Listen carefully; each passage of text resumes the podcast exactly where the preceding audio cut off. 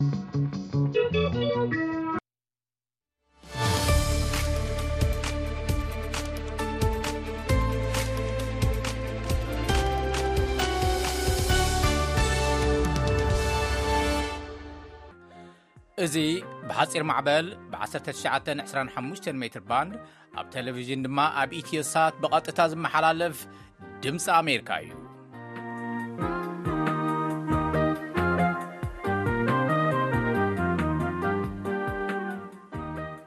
ከመይ ተምስዩን ትውዕሉን ተኸታተልቲ መደብና ናይ ሎሚ ሰሉስ 9 ጥሪ 216 ዓ ም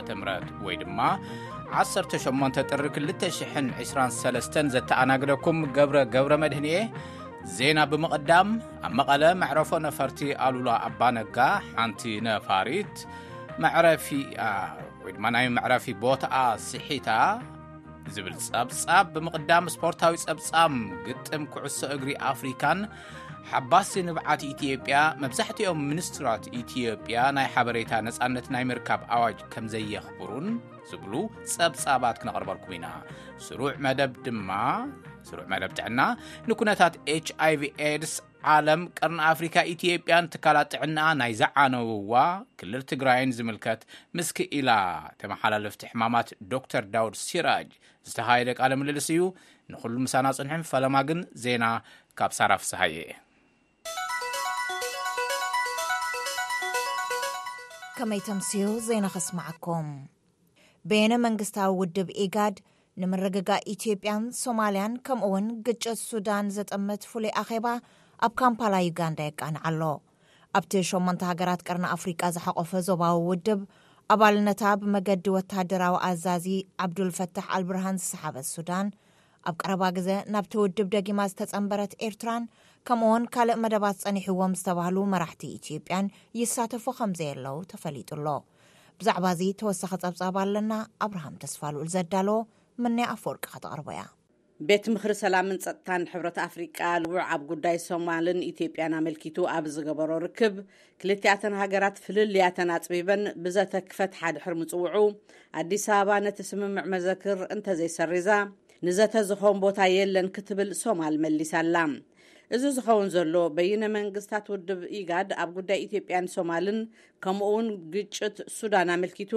ሎሚ ኣብ ካምፓላ ኡጋንዳ ኣብ ዝጋባኣሉ ዘሎ እዋን'ዩ። ርክብ ኢጋድ ብመሪሕነት ፕረዚደንት ኡጋንዳ ዩወሪ ሙሴቪኒ ዝካየድ ዘሎ ኮይኑ፣ ኢትዮጵያ ግን ኣብቲ ኣኼባ ከምዘይትሳተፍ ወሃቢ ቃል ሚኒስትሪ ወፃኢ ጉዳያት ኢትዮጵያ ኣምባሳደር መለስ ኣለም ሎሚ ሓሙስ ንጋዜጠኛታት ገሊፁሎም።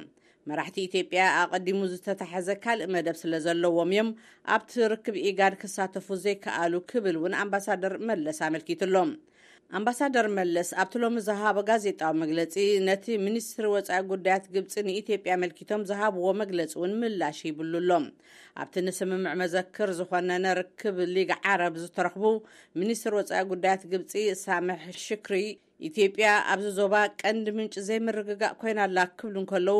ኣምባሳደር መለስ ኣለም ድማ ዘይሓላፍነታዊ መግለጺ ክብል መሊሱ ኣሎ ከም ጸብጻብ ወኪልና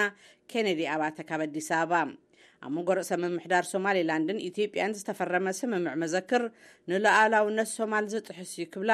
ኣሜሪካ፣ ኤውሮጳዊ ሕብረት፣ ሊግ ዓረብን ቻይናን ኮኒነንኦ ኣለዋ። ኣማኻሪ ሃገራዊ ጸጥታ ቤተ መንግስቲ ዋይት ሃውስ ጆን ከርቢ ነቲ ተፈጢሩ ዘሎ ምትፍናን ንምድቃስ ምስ ኣፍሪቃዊ ሕብረትን ውድብ ኢጋድን ኮይኖም ይሰርሑ ምህላዎም ንድምጺ ኣሜሪካ ሓቢሮም ነይሮም።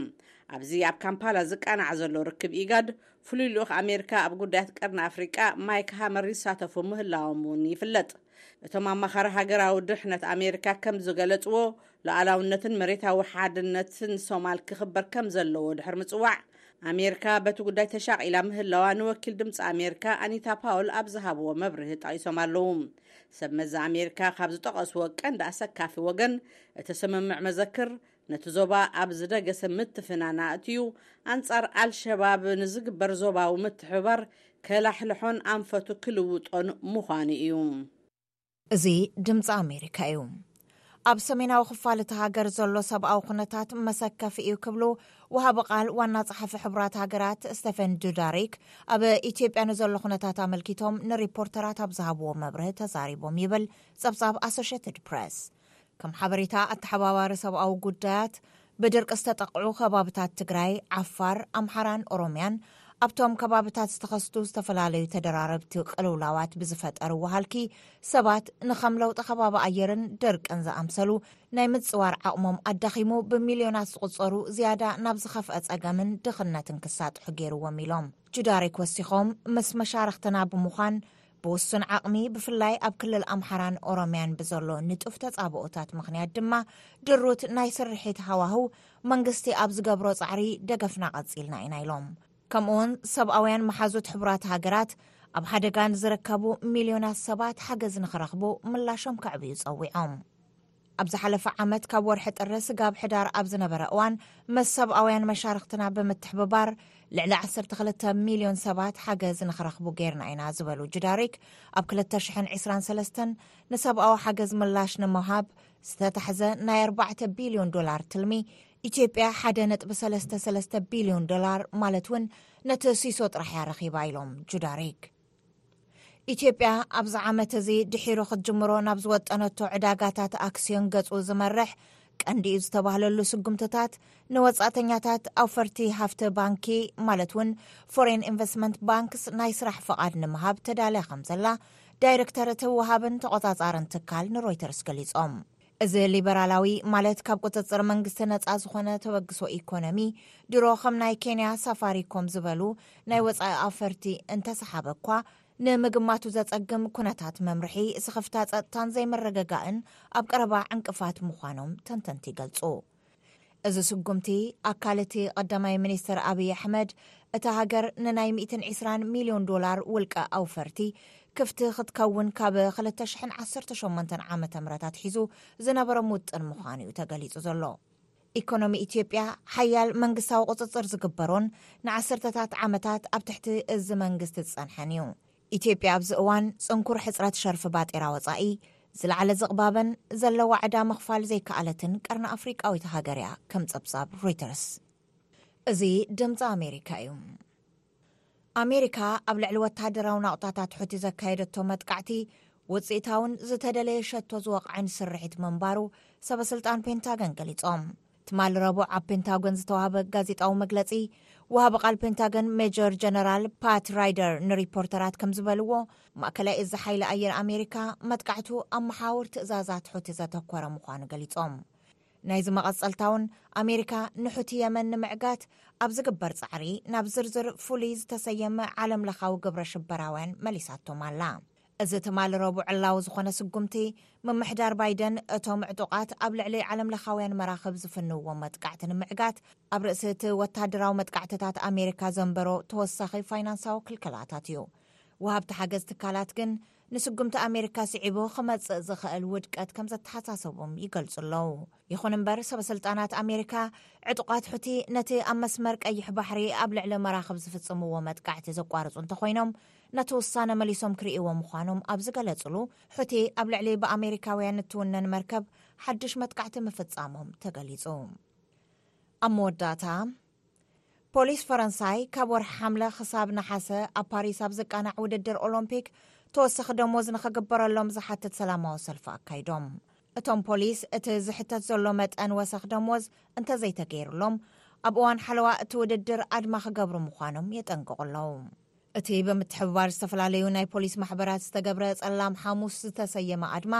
ኣብ በበይኑ ከተማታት ፈረንሳይ ኣብ ቅድሚ መደብራት ፖሊስ እዩ ተኻይዱ። ኣስታት 30 ሽሕ ዝበጽሑ ኣባላት ፖሊስ ኣብ ሓለዋ ውድድር ኦሎምፒክ ፓሪስ ክሳተፉ ምዃኖም ይግመት። ኣዳላዊ ኮሚቴ ኦሎምፒክ ንገለ መሰላት ካብ ሰራሕተኛታት ስለ ዝሰረዘ ኣባላት ፖሊስ ትማሊ ረቡዕ እውን ኣብ ቅድሚ እቲ ቤት ጽሕፈት ሰላማዊ ሰልፊ ኣካይዶም ነይሮም። ካብቲ ዝተሓድገ መሰላት እንተዘይተመሊሱ ኣብ እዋን እቲ ውድድር እውን ኣድማ ክቕፅሉ ምዃኖም እቶም ፖሊስ ኣጠንቂቖም ኣለው። ፓሪስ ንውድድር ኦሎምፒክ ኣብ እትቀራረበሉ ዘላ እዋን ኣድማ ዝገብሩ ዘለዉ ኣካላት መንግስቲ ፖሊስ ጥራይ ኣይኮኑን። ሰብ ሞያ ጥዕና፣ ሓለዋ ኣየርን ካልኦት እውን ወሰኽ ደሞዝ ይሓቱ ኣለው። ንሱ ምስ ዘይፍፀም ድማ ኣድማ ክቕፅሉ ምዃኖም የጠንቅቑ። ፓሪስ ኣብ መበል ሚእቲ ዓመታ ንውድድር ኦሎምፒክ ከተዳሉ ኣብ እትሸባሸበሉ ዘላ እዋን፣ ነቲ ኣጋጣሚ ንመስሕብ በጻሕቲ ክትጥቀመሉ ትትስፎ። ዜና ኣብዚ ተዛዚሙ።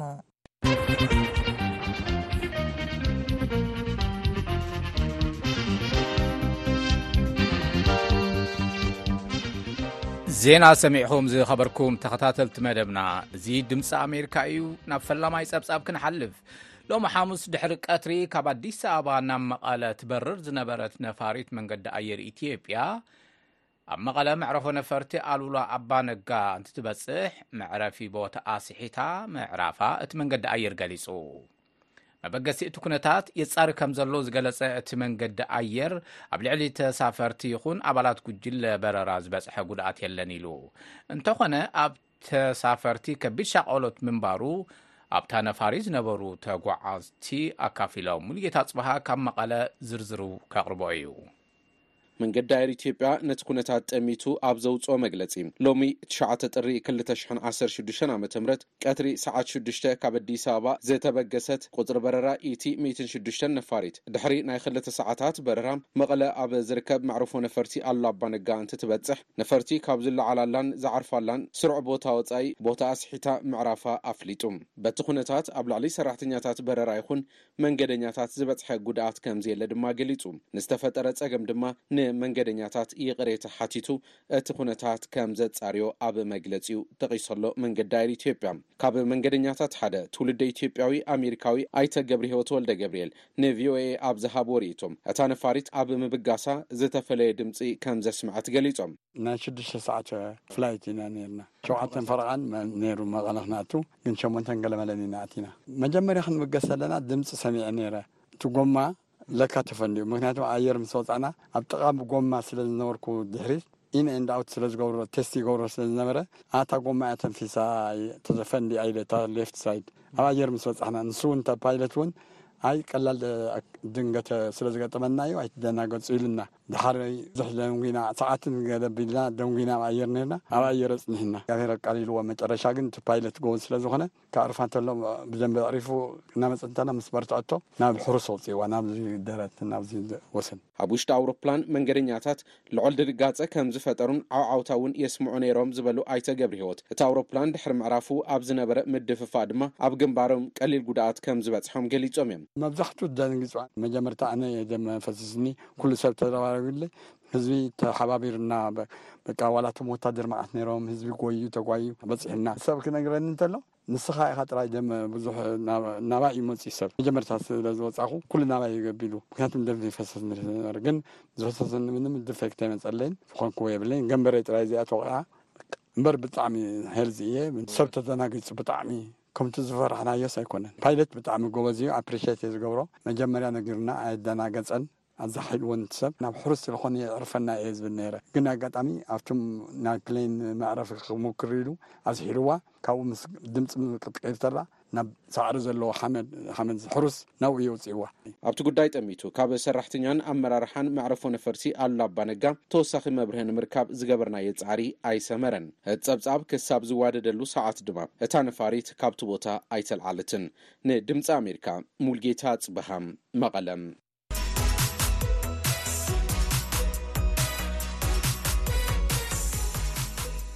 ካልኣይ ጸብጻብና ስፖርት እዩ በትረ ስልጣን ግጥም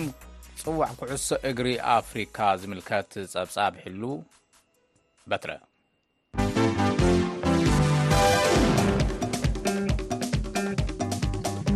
ናይሎም ዘበን ግጥማት ጽዋዕ ኣፍሪቃ ሎሚ ሓሙስ እውን ቀጺሉ ኣሎ ትማል ረቡዕ ጎብለል ኩዕሶ እግሪ ኣፍሪቃ እናኾነት ትመጽእ ዘላ ሞሮኮ ንጋንታ ታንዛንያ ብምሉእ ብልጫ 3 ን0 ክተፋንዋ ከላ ጎረባብቲ ዝኾና ሪፐብሊክ ኮንጎን ዛምቢያን ድማ ማዕረ ሓደ ንሓደ ተፈላለየን ሎሚ ሓሙስ ኣብ ስቴድየም ኦሎምፒክ ዝተራኸባ ኢኳቶርያል ጊኒን ጊኒ ቢሳውን እየን ኢኳቶርያል ጊኒ ብንሱ ኣቢላ ኣብ መበል 21 ደቂቃ ሸቶ ኣውፂራ ብዙሕ ከይፀንሐት ጋንታ ጊኒ ቢሳው ድሕሪ ዓሰርተ ሽዱሽተ ደቓይቕ ማዕረ እትገብራ ሸቶ ብሮዝኮ ኣቢላ ኣመዝጊባ፣ ዝያዳ ኤኳቶርያል ጊኒ ጸብለልታ ዘርኣየትሉ ጸወታ ሓደ ንሓደ ዕረፍቲ ኰነ። ድሕሪ ካምብያ ተጠናኺራ ናብ ሜዳ ዝኣተወት ጋንታ ኤኳቶርያል ጊኒ፣ ኣብ ውሽጢ ሓደ ደቒቓ ንኻልኣይቲ ሸቶ፣ ድሕሪ ሽዱሽተ ደቒቓ ሳልሰይቲ፣ ድሕሪ ዓሰርተ ደቒቓ እንደገና ራብዐይቲ ሸቶ ኣመዝጊባ። ነታ ቀዳመይቲ ሸቶ ዘመዝገበ እንሱ፣ ሃትሪክ ሰሪሑ ኣሎ፣ ንቐዳመይቲ፣ ሳልሰይትን ራብዐይትን ሸቶታት ብምቑጻር። ንሱ እውን እዩ ንናይ ሎምዘበን ጽዋዕ ኣፍሪቃ ዝበዝሐ ሸቶታት ብምምዝጋብ ይመርሕ ዘሎ። ምስ ናይጀርያ ማዕረ ዝተፈላለየት ኢኳቶርያል ጊኒ ምስ ናይ ሎሚ ዓወታ ተደማሚሩ ኣርባዕተ ነጥቢ ኣዋህሊላ ዳርጋ ናብ ቀጻላይ ዙር ዝሓለፈት ኮይና ኣላ። ብኣንጻሩ ጊኒ ቢሳው ካብ ናይ ሎም ዘበን ግጥማት ጽዋዕ ኣፍሪካ ወጻኢ ዝኾነት ፈላመይቲ ሃገር ኮይና ተመዝጊባ ኣላ። ጋና ሎሚ እንተተሳዒራ ተመሳሳሊ ዕፃ ይጽበያ ኣሎ። ቀጺለን ይጋጠማ ዘለዋ ጋንታታት ኣይቨርኮስትን ናይጀርያን እየን ክሳብ እዚ ሪፖርት እዚ ዘቕረብናሉ ሰዓት ጸወታ 0 ን0 ንናይጀርያ ጽቡቕ ዜና እዩ። ነታ ኣብ ቀዳማይ ግጥማ ንጊኒ ቢሳው ክልተ ንዜሮ ዝሰዓረት ኣይቮሪኮስት እውን እንተኾነ ዘዋጽኣ እዩ። ዛዛሚ ግጥም ናይ ሎሚ ሓሙስ ጋንታታት ጋናን ግብፅን ዘካይድኦ ወሳኒ ግጥም ብሕልፊ ንጋንታ ጋና ክኸውን እዩ። ግብፂ እንተተዓዊታ ናብ ቀጻላይ ግጥም ኣውዲቕካ ምሕላፍ ናይ ምብጻሕ ዕድላ ዝሰፍሐ ክገብሮ እዩ። ተተሳዒራ ወይ ማዕረ እንተተፈላለያ ግና ኣብ ሓደጋ ክትወድቕ እያ። ብኣንጻሩ ጋንታ ጋና ሓደ ዕድል ጥራሕ ሒዛ እያ ናብ ሜዳ ትኣቱ ዘላ፣ ምዕዋት ዝብል ማዕረ ምፍልላይ ወይ ምስዓር ዘዋጽኣ ኣይኮነን ጥራሕ ዘይኮነ ካብ ናይ ሎብ ዘበን ግጥማት ጽውዓ ዝወጸት ካልኣይቲ ጋንታ ክገብራ እዩ፣ ኣብ ታሪኽ ጋና እውን መስደመም ተባሂሉ ክስነድ እዩ። ዕስራን ኣርባዕተን ሃገራት ይጣፍኣሉ ዘለዋ ጽዋዕ ኣፍሪቃ ንሰለስተ ሰሙናት ክቕጽል እዩ፣ ሞሮኮ፣ ሰነጋል፣ ኣተኣናጋዲት ሃገር ኣይቮሪኮስት፣ ኣልጀርያን ናይጀርያን ጽዋዕ ከልዕላ እየን ተባሂለን ትፅቢት ካብ መንጎ ዝግበረለን ሃገራት እየን። ግን ናይ ኩዕሶ ነገር ካብ ምግማት ሰጊርካ ብንጹር ምድምዳም ዝከኣል ኣይኮነን። ናብ ካልኦት ጽዋዕ ኣፍሪቃ ተንከፍ ዜናታት ክንሰግር ሓላው ማዕጾ ማንቸስተር ዩናይትድን ካሜሮንን ኣንድሬ ኦናና ብርቱዕ ነቐፌታ ይወርዶ ኣሎ ንሱ ናብዚ ብርኪዚ ዝበቕዐ ጋንታ ካሜሮን ናብ ተካይዶ ዝነበረ ግጥም ኣብ እዋኑ ንኸየርክብ ከም ቀንዲ ምኽንያት ዝግለጽ ኣብ ክንዲ ሃገሩ ንጋንትኡ ጋንታ ማንቸስተር ዩናይትድ ዘቐደመ ተባሂሉ ንኽንቀፍ ስለ ዝኸእሎ እዩ ከም እምነት ኦናና ጋንታ ማንቸስተር ዩናይትድ ምስ ጋንታ ቶተንሃም ሓደ መዓልቲ ቅድሚ ግጥም ካሜሮንን ጊንን ምኽፋቱ ማለት እዩ ሓደ መዓልቲ ኣቐዲሙ ወሳናይ ግጥም ስለ ዝነበራ ንማንቸስተር ዩናይትድ ሓጊዙ ድሕሪ እቲ ጸወታ ብናይ ውልቂ ነፋሪት ኣብ ኣይቨሪ ኮስ ክኣቱ እየ ዝብል ግብጢት ስለ ዝነበሮ ከይሰለጦ ድሕሪ ምትራፉ እዩ ማንቸስተር ዩናይትድ ምስ ቶተንሃም ክልተ ንኸልተ እያ ተፈላለያ ኦናና ሓጊዙ ድዩ ኣይሓገዘን ዝፍለጥ ነገር የለን እቲ መስደመም ነገር ግና ኦናና ንማንቸ ክሳዕ ክንድኡ ርሕቐት ውዕለት ዝወዓለላ ዋላ እውን እንተኾነ ዓላሚ ጋንታ ማን ዩናይትድ ቴንሃግ ንኦናና ዝትክእ ካልእ ሓላዊ ማዕጾ ኣብ ምትእልላሽ ምህላው እዩ ብመሰረት ጸብጻባት፣ ኦናና ኣብ ዕስራን ሓደን ግጥማት ዕስራን ትሽዓተን ሸቶታት ኣተኣናጊዱ ኣሎ። ኣብ ሽዱሽተ ግጥማት ግና ዋላ ሓንቲ ሸቶ እውን ኣይተመዝገበን። ቴን ሃግ ብውጽኢት ኦናና ሕጉስ ኣይኮነን ይብሉ እቶም ሪፖርታት። ኦናና ኣብ ዘይተሰለፈሉ ግጥም ጋንታ ካሜሩን ምስ ጊኒ ኣብ ፈላማይ ግጥማ ሓደ ንሓደ ከም ዝተፈላለየት ዝዝከር እዩ። ኦናና ጎዲእዋ ማለት እዩ። እቲ ዘገርም ድማ ጊኒ ሓደ ተሰላፊኣ ቅድሚ ዕረፍቲ ብቐይሕ ካርዲ ካብ ሜዳ ስለ ዝተሰጎጋ ንዝተረፉ 45 ደቓይቕ ብዓሰርተ ተሰለፍቲ ተጻዊታ እያ ምስ ካሜሮን ሓደ ንሓደ ተፈላለያ ዓሰርተ ሓደ ንዓሰርተ ተጻዊታ እውን ጋንታ ካሜሮን ሸቶ ከተመዝግብ ኣይከኣለትን እቲ ጸገም እውን ንሱ እዩ ስፖርታዊ ዜና ተፈጺሙ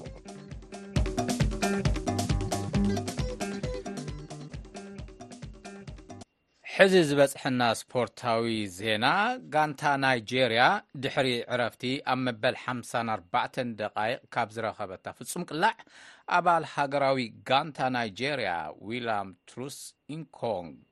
ብዘመዝገባ ሸቶ ኣቢላ ንኣንጋዲት ሃገር ኣይቨሪኮስ ስዒራት ኣላ እዚ ረድዮ ድምፂ ኣሜሪካ እዩ ክንሓልፍ ናብ ዝቕፅል ፀብፃብ ኣብ ኢትዮጵያ ዝርከባ ዝተፈላለያ ትካላት መንግስቲ ንኣዋጅ ናጽነት ሓበሬታ ከም ዘየኽብራ ሓባሲ ንብዓት ኢትዮጵያ ድሕሪ ዝገበሮ መጽናዕቲ ሎሚ ዕላዊ ገይሩ። ካብተን 15 ኣብያተ ዕዮ ሚኒስትራት እተን 12 ሓበሬታ ኣብ ምሃብ ጸገም ከም ዘለዎን ዘመልከተ እቲ ቤት ጽሕፈት እቲ ርድኢት ካብ ዋሕዚ ሓበሬታ ዝህሉ ኣሉታዊ ሳዕበን ኣመልኪቱ ናይ ኣዲስ ኣበባ ወኪልና ገብረ ሚካኤል ገብረ መድህን ንርእይቶ ሞያውያን እውን ኣጠቓሊሉ ጸብጻብ ልኢኹ ኣሎ ሓባሲ ንብዓት ኢትዮጵያ ብመሰረት ብኣዋጅ ዝተውሃቦ ስልጣን ኣብ ዓሰርተ ሓሙሽተ ኣብያተ ዕዮ ሚኒስተራት ንምሕደርኣን ዝምልከት መጽናዕቲ ከም ዘካየደ ሎሚ ንጋዜጠኛታት ኣብ ዝሃቦ መግለጺ ኣፍሊጡ። ኣብታ ሃገር ካብ ዘለዋ ዕስራን ክልተን ኣብያተ ዕዮ ሚኒስተራት ኣብተን ዓሰርተ ሓሙሽተ መጽናዕቲ ከም ዝተገበረ ዘመልከቱ ኣብ ትካል ሓባሲ ንብዓት ሓላፊ ክትትል ሰናይ ምምሕዳር ኣቶ ኣዳነ በላይ እቲ መጽናዕቲ ኣብ ክልተ ሽሕን ዓሰርተ ሓሙሽተን ዓመተ ምህረት ንዝነበረ ኣፈጻጽማ ሰናይ ምምሕዳር ዝምልከት ኮይኑ ዓሰርተ ኣዋርሕ ከምዝወሰደ ገሊጾም። እቲ መጽናዕቲ ካብ ሞንጎ ዝተገበረለን ዓሰርተ ሓሙሽተ ኣብያተ ዕዮ ሚኒስተራት እተን ዓሰርተ ክልተ ንመራኸብቲ ሓፋሽ ሓበሬታ ናይ ምሃብ ጸገም ከምዘለወን፣ ከምዝተረጋገጸ'ውን ኣብሪሆም። የተለዩ ክፍተቶችን በምናይበት ጊዜ ለኣብነት። ነቶም ክፍተታት እንትንርኢ መብዛሕቲኦም ንህዝቢ ክግለጹ ዝተኣዘዙ ሓበሬታታት ዘይምሕታምን ንህዝቢ ዕላዊ ዘይምግባርን ይረኣ። እዚ ዋላኳ ብሕጊ እንተተቐመጠ እተን ኣብያተ ዕዮ መንግስቲ ከምዚ ይገብራ ከምዘየለዋ ብዝገበርናዮ መጽናዕትን ዘተን ኣረጋጊጽና ኣለና። እቲ ካሊእ ፀገም ብውልቀ ንዝቐረበለን ናይ ሓበሬታ ምርካብ ሕቶ ግቡእ ምላሽ ዘይምሃብ እዩ። እዚ ንኣዋጅ ምርካብ ናፅነት ሓበሬታ ከም ሓደ ዓብዪ ክፍተት ኢና ሪኢና ዘለና። ንመራኸብቲ ሓፋሽ ሓበሬታ ናይ ዘይምሃብ ፀገም ካብ ምንታይ ከም ዝብገስ ብድምፂ ኣሜሪካ ዝተሓተቱ ኣቶ ኣዳነ በላይ እቲ ፀገም ካብ ዋሕዲ ግንዛበን እቲ ቅድም ክብል ኣብ ኣብያተ ዕዮ መንግስቲ ተዘርጊሑ ዝነበረ ስርዓት ርክብ ህዝቢ ብምፍራሱን ከምዝኾነ ገሊፆም። ብዛዕባ እዚ ጉዳይ ርእይቶ ክህቡና ዝሓተትናዮም ኣብ ዩኒቨርሲቲ ኣዲስ ኣበባ መምህር ጋዜጠኝነትን ኮሙኒኬሽንን ዝኾኑ ዶክተር ጌታቸው ድንቁ ኣብያተ ዕዮ መንግስቲ ንመራኸብቲ ሓፋሽ ሓበሬታ ዘይምሃበን ሳዕቤኑ ከቢድ እዩ ይብሉ። ይሄ ያለው አንድምታ። እዚ ዝህቦ ርድኢት ዓቢ እዩ። ኣብ ከም ናትና ዝበላ ሃገራት መንግስቲ እቲ ዝዓበየ ፍልፍልን ተሓዝን ሓበሬታ ስለ ዝኾነ፣ እዘን ብኣዋጅ ሓላፍነት ተዋሂብወን ዝተጣየሻ ኣብያተ ዕዮ መንግስቲ፣ ሓበሬታ ኣይህባን ማለት ኣብ ልዕሊ ህይወት ዜጋታት ዘብጽሖ ጉድኣት ዓቢ እዩ። በቲ ካልእ ገጽ እንትንርእዮ ድማ፣ ሓበሬታ ምሃብ ማለት ንኣሰራርሓ እተን ትካላት ምፍታሽ ማለት እዩ። ግልፅን ተሓታትነትን ዘለዎ ኣሰራርሓ ይትግብራ ስለምህላወን ምፍላጥ ዝከኣል ሓበሬታ እንተሂበን እዩ። ናይተን ኣብያተ ዕዩ ኣፈፃፅማ ሰናይ ምምሕዳር ንምርኣይ ኣብ ጥቕሚ ዝወዓሉ ረቑሓታት ውፅኢታውነት፣ ግሉፅነት፣ ተሓታትነት፣ ፍትሓውነትን ልዕልነት ሕግን ዝብሉ እንትኾኑ በዞም መዐቀንታት እንትረኣያ እውን ኣብተን ኣብያተ ዕዩ ዝተፈላለየ መጠን ዘለዎ ፀገም ከምዝረኣ ኣቶ ኣዳነ በላይ ገሊፆም ኣለው። ንድምፂ ኣሜሪካ ገብረሚካኤል ገብረመድህን ኣዲስ ኣበባ።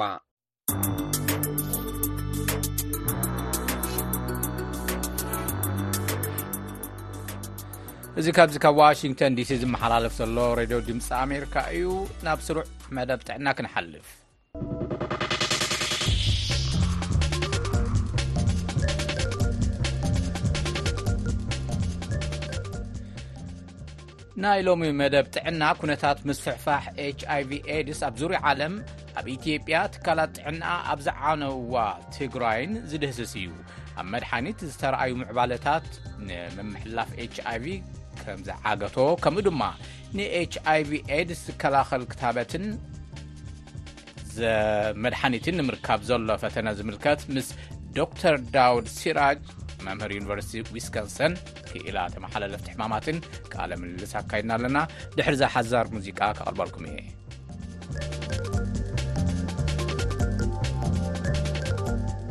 ይሃነለ ዶክተር ዳውድ ሲራጅ ጋሻ ድምፂ ኣሜሪካ ምዃንካ ኣዘየመስግን ሙያኻን ዓውድታት ምርምራትካን እንታይ ከም ትሰርሕ ንሰማዕትና ግለጸልና። የቐኔለይ ገብረ ነዊሕ ግዜ ኮይኑና እሞ ከምቲ ዝበልካዮ ዳውድ ስዒድ ስራጅ ይበሃል ናይ ተመሓላላፋይ ሕማም ፕሮፌሰር እየ ዝሰርሐሉ ቦታ ዩኒቨርሲቲ ኦፍ ዊስካንሲን ማዲሰን ኣብ ስቴት ኦፍ ዊስካንሲን እዩ እቲ ዓብዪ ስራሕ ዝሰርሖ ብተመሓላላፋይ ሕማም ብተፈላለየ ነገር እንኳ እንተኾነ ብተለይ ብተለይ ግን ኣብ ኤች ኣይቪ ኤድስ ኣብ ሄፓታይትስን ተመሳሰሉ ሕማማትን እየ ዘድህብ ብተወሳኻይ ናይቲ ናይ ኤች ኣይቪ ትምህርቲ ንህቦ ንተምሃሮም ይኹን ነርስታት ይኹን ዝተፈላለዩ ናይ ሕክምና በዓል ሙያታት ዲሬክተር ኮይኑ እየ ዝሰርሕ ብተወሳኺ ድማ ብዚ ግሎባል ሄልዝ ንብሎ ልምድን ትምህርትን ካብ ዝዓበያ ዓድታት ናብ ዝዓብያ ዘለዋ ዓድታት ንምትሕልላፍን ንምልውዋጥን ብዝግበር ትምህርቲ ግሎባል ሄልዝ ዝበሃል ናቱ ናይቲ ዲፓርትመንትና ዲሬክተር ኮይኑ እየ ዝሰርሕ ፅቡቅ የቀኒለይ ዶክተር ዳውድ እዚ ኣብ ኤች ኣይቪ ኤድስ ዘሎ ኣረዳድኣ ኣረኣእያ ኣብዚ ሕዚ እዋን እንታይ እዩ ከም ስግኣት ድዩ ዝሪኦ ሸለልትነት ምርሳሕ ከመይ ኢኻ ትገልፁ ኣብዚ ሕዚ ሰዓት ብዛዕባ ኤች ኣይቪ ዘሎ ኩነታት ይቕኒለይ ኤች ኣይቪ ከምቲ ትፈልጦ ዳርጋ ስታት ኣርባዓ ዓመት ኮይኑ እውን ካብዚ ዓለም መፅዩ ዓብዪ ለውጥታት ካብ ዘካይድ ብሓቂ ንምዝራብ እና ኣብቲ መጀመርያ ግዜ ዝነበሮ ስምዒትን ጭንቀትን ስትረስን ምስቲ ሕዚ ዘሎ ብጣዕሚ ኣይወዳደርን። ክንዛረበሉ ኢና ናብ ዲቴል ንኣተና ግን እዚ ብምዃኑ ድማ ናይ ቸለልትነትን ናይ ምርሳዕን ስምዒታት ኣብ ሕብረተሰባት ብሰፊሑ እዩ ዝረአ ኢንፋክት ኣብቲ ሕዚ ግዜ ብዘለና ናይ ሕክምና መሳርሒ ዓይነታትን መከላኸሊ መሳርያታትን ብትክክል ሰብ ተጠንቂቑ እንተዝነብር መድሓኒቱ እንተዝወስድ ካብ ተሉ ንላዕሊ ናይዚ ሕማም እዚ ኣስጋእነት ዳርጋ ሙሉእ ብምሉእ ክቕረፈሉ ዝኽእል ዕድል ዝበፅሕናሉ ግዜ እዩ ግን ከምተዝበልና ከዓ ኩሉ ግዜ ሳይንስ እንታይ እዩ ክትዕወት ተለኻ ሳክሰስፉል ዝኾነ ኢንተርቨንሽን ንብሎ ወይ ድማ ሕክምና ክርከብ ተሎ ቸለል ናይ ምባል ናይ ሕብረተሰብ ልቕቕ ናይ ምግባር ነገራት ከም ዝረአ እዩ ከም ተፈሰነ ልክዕ ከም ቫክሲን ማለት እዩ ብጣዕሚ ዝቐትል ሕማም መፅዩ ክትባት መፅኡ እንድሕር ደኣ ሙሉእ ንሙሉእ ተለዊጥዎ እቲ ሰብ ዳርጋ ናብ ምርሳዕ እዩ ዝኣቱ እና ከምኡ ዓይነት ስምዒታት ከም ዘሎ ይርደእኒ እዩ ግን በጠቃላይ ሕዚ እውን እንተኾነ ሕዚ እቲ ናይ ዓለም ዳታ ክትሪኦ ተለኻ ብዒስራን ብክልተ ሽሕን ዒስራን ሰለስተን ዓመተ ምህረት ናይ ዓለም ተሓባበሪ መንግስታት ዘውፅኦ ዓመታዊ ዳታ ክትሪኦ ተለኻ ክሳብ ሰላሳን ትሽዓተን ሚልዮን ሰብ ኤች ኣይቪ ዘለዎ ኣብዚ ዓለምና ይነበር እዚ ድማ ብ 222 ማለት እዩ 223 እቲ ሪፖርት ዳ ይውፃእ እምበር ሓደ ነጥቢ ሰለስተ ሚሊዮን ዝኣክል ሰብ ኣብ ሓንቲ ዓመት ኢንፌክትድ ኮይኑ ይግመት እዚ ብጣዕሚ ዓብዪ ኦፖርቹኒቲ እዩ ንዓና ነቲ ሕማም ንምፅባብ ምክንያቱ ኣብዛኛኡ እዚ ከመይ ክምተሓላልፍ ከም ዝኽእል ብቑዕ ዝኾነ ፍልጠት ኣለና ባህላ እየ ብቲ ዘሕዝን ድማ ካብ 630 ሽሕ ሰብ ንላዕሊ ዝሞተሉ ኩነታት እዩ ብሓንቲ ዓመት እዚ ክትሪኦ ተለካ ስኢልና ብዓለም ክንሪኦ ተለና ስኢሉ ይበዝሕ እምበር እንተፅብብ እንድሕረ ቢልካዮ ናብ ዓበይቲ ዓድታት ናይ ኢኮኖሚክ ሪሶርሰን ሊሚትድ ዝኮነ ናይ ትምህርቲ ደረጃአን ንታሕቲ ዝወረደ ኣብ ውግእ ዘለዋ ኣብ ሕንፍሽፍሽ ዘለዋ ዓድታት እቲ ዝዓበየ ሸክሚ እየን ዝሽከምኦ ምክንያቱ እዚ ሕማም እዚ ሕክምና እንተረኪብካ እና መድሓኒት እንድሕር ወሲድካ ናይ ምትሕላፍ ዕድሉ ክሳብ ዚሮ ፐርሰንት ዝበፅሐሉ ግዜ ኢና ዝኒኤና እና እዚ ከም ታሽሙ ከም መእተዊ ክኾን ይኽእል እዩ ግን በጠቃላይ ክሳብ ሕዚ ክሳብ ሰማንያ ሓሙሽተ ሚሊዮን ሰብ ዝኸውን ሰብ ኢንፌክትድ ኮይኑ እዩ ኣብ ዓለም ብዘርባዓ ዓመት እዚ ካብ ኣርባዓ ሚሊዮን ዘይነኣኣስ ሰብ ድማ ሞይቱ እዩ እወ ቅሩብ ኣፅብብ ነብሎ ዝበልካዮ ናብቲ ከባቢና ናብ ኢትዮጵያ ናብ ኣብቲ ቀርኒ ኣፍሪካ ናብ ኤርትራ ኣፅብ ኣቢልካ ድማ ኣብ ትግራይ እዚ ኣረዳድኣ እዚ ኣረኣያ እዚ ከመይ እዩ ዘሎ ብግብሪ እቲ ሰብ ሕዚ እውን ከም ሓደገኛ ሕማም ድዩ ዝሪኦ ዘሎ ወይስ ምስቲ ኣብ ግጭት ኣብ ህውከት ኣብ ኩናት ምህላው ብዙሕ ኣቓልቦ ከም ካልኣዋይ ደረጃ ገይርካ ናይ ምርኣይ ደሎ እስቲ ሓሳባት ሃበሉ። እያ እሞ እቲ ውግእ ከመይ እንታይ ዓይነት ጽልዋ ኣብጽሕሉ ዝብል ድሓር ምንውይኑ ክንሪኦ ብኣጠቃላይ ግን ሕዚ ንምሳሌ ኣብ ኢትዮጵያ ክትርኢ ተለካ እቲ ቁፅሪ ኣብ ኢትዮጵያ ክሳብ ሽዱሽተ ሚእትን ዓሰርተ ሓሙሽተን ሰብ ሽሕ ዘብ ዝኾን ኢንፌክትድ ዝኾነ ኣሎ ተባሂሉ ዝግመተሉ እዩ ባይዘወይ ምስቲ ናይ ቀደም ዝነበረ እዚ ቁፅሪ ብጣዕሚ ብጣዕሚ ንሽተ እዩ ብጣዕሚ ዘሕጉስ እውን እዩ ወራርድኡ ዜሮ ነጥቢ ሓሙሽተ ፐርሰንት ናይቲ ሕብረተሰብ ክፍሊ እዩ ኤች ኣይቪ ይህልዎ ተባሂሉ ዝግመት እዚ ድማ ብ 222 ኣከባቢ እዩ እዚ ቁፅሪ እዚ ክትሪኦ ተለካ ብጣዕሚ ቀኒሱ እዩ ካብ ሰብዓ ፐርሰንት ንላዕሊ ሓዱሽ ኢንፌክሽን ዘጋጥም ዝነበረ ኣብ ኣራውንድ 210 ብፈረንጂ እዩ ዓመትረካ ዘለኹ ሕዚ ካብ ሰብዓ ፐርሰንት ንታሕቲ ቀኒሱ እዩ ምስ ዶክተር ዳውድ ዝተገብረ ቃለ ምልልስ ንውሕ ዝበለ እዩ ሙሉእ ነቶም ኣብ ማሕበራዊ መራኸብታትን ዕድል ዘለኩም ምሉእ ትሕዝትኡ ኣብ መርበብ ሓበሬታ ኣሎ ኣብ ሬድዮ ድማ ብምሉኡ ቀዳም ክንፍንዎ ምዃንና ንምዝኽኻር ንደሊ በዚ እምበኣር ናይ ሎም መደባትና ወዲና ኣለና ጽባሕ ዓርቢ መደብ ቅሐ ጽልሚ ሒዝናልኩም ክንቐርብ ኢና ክሳብ ሽዑ ድሓን ኩኑ ድሓን ሕደሩ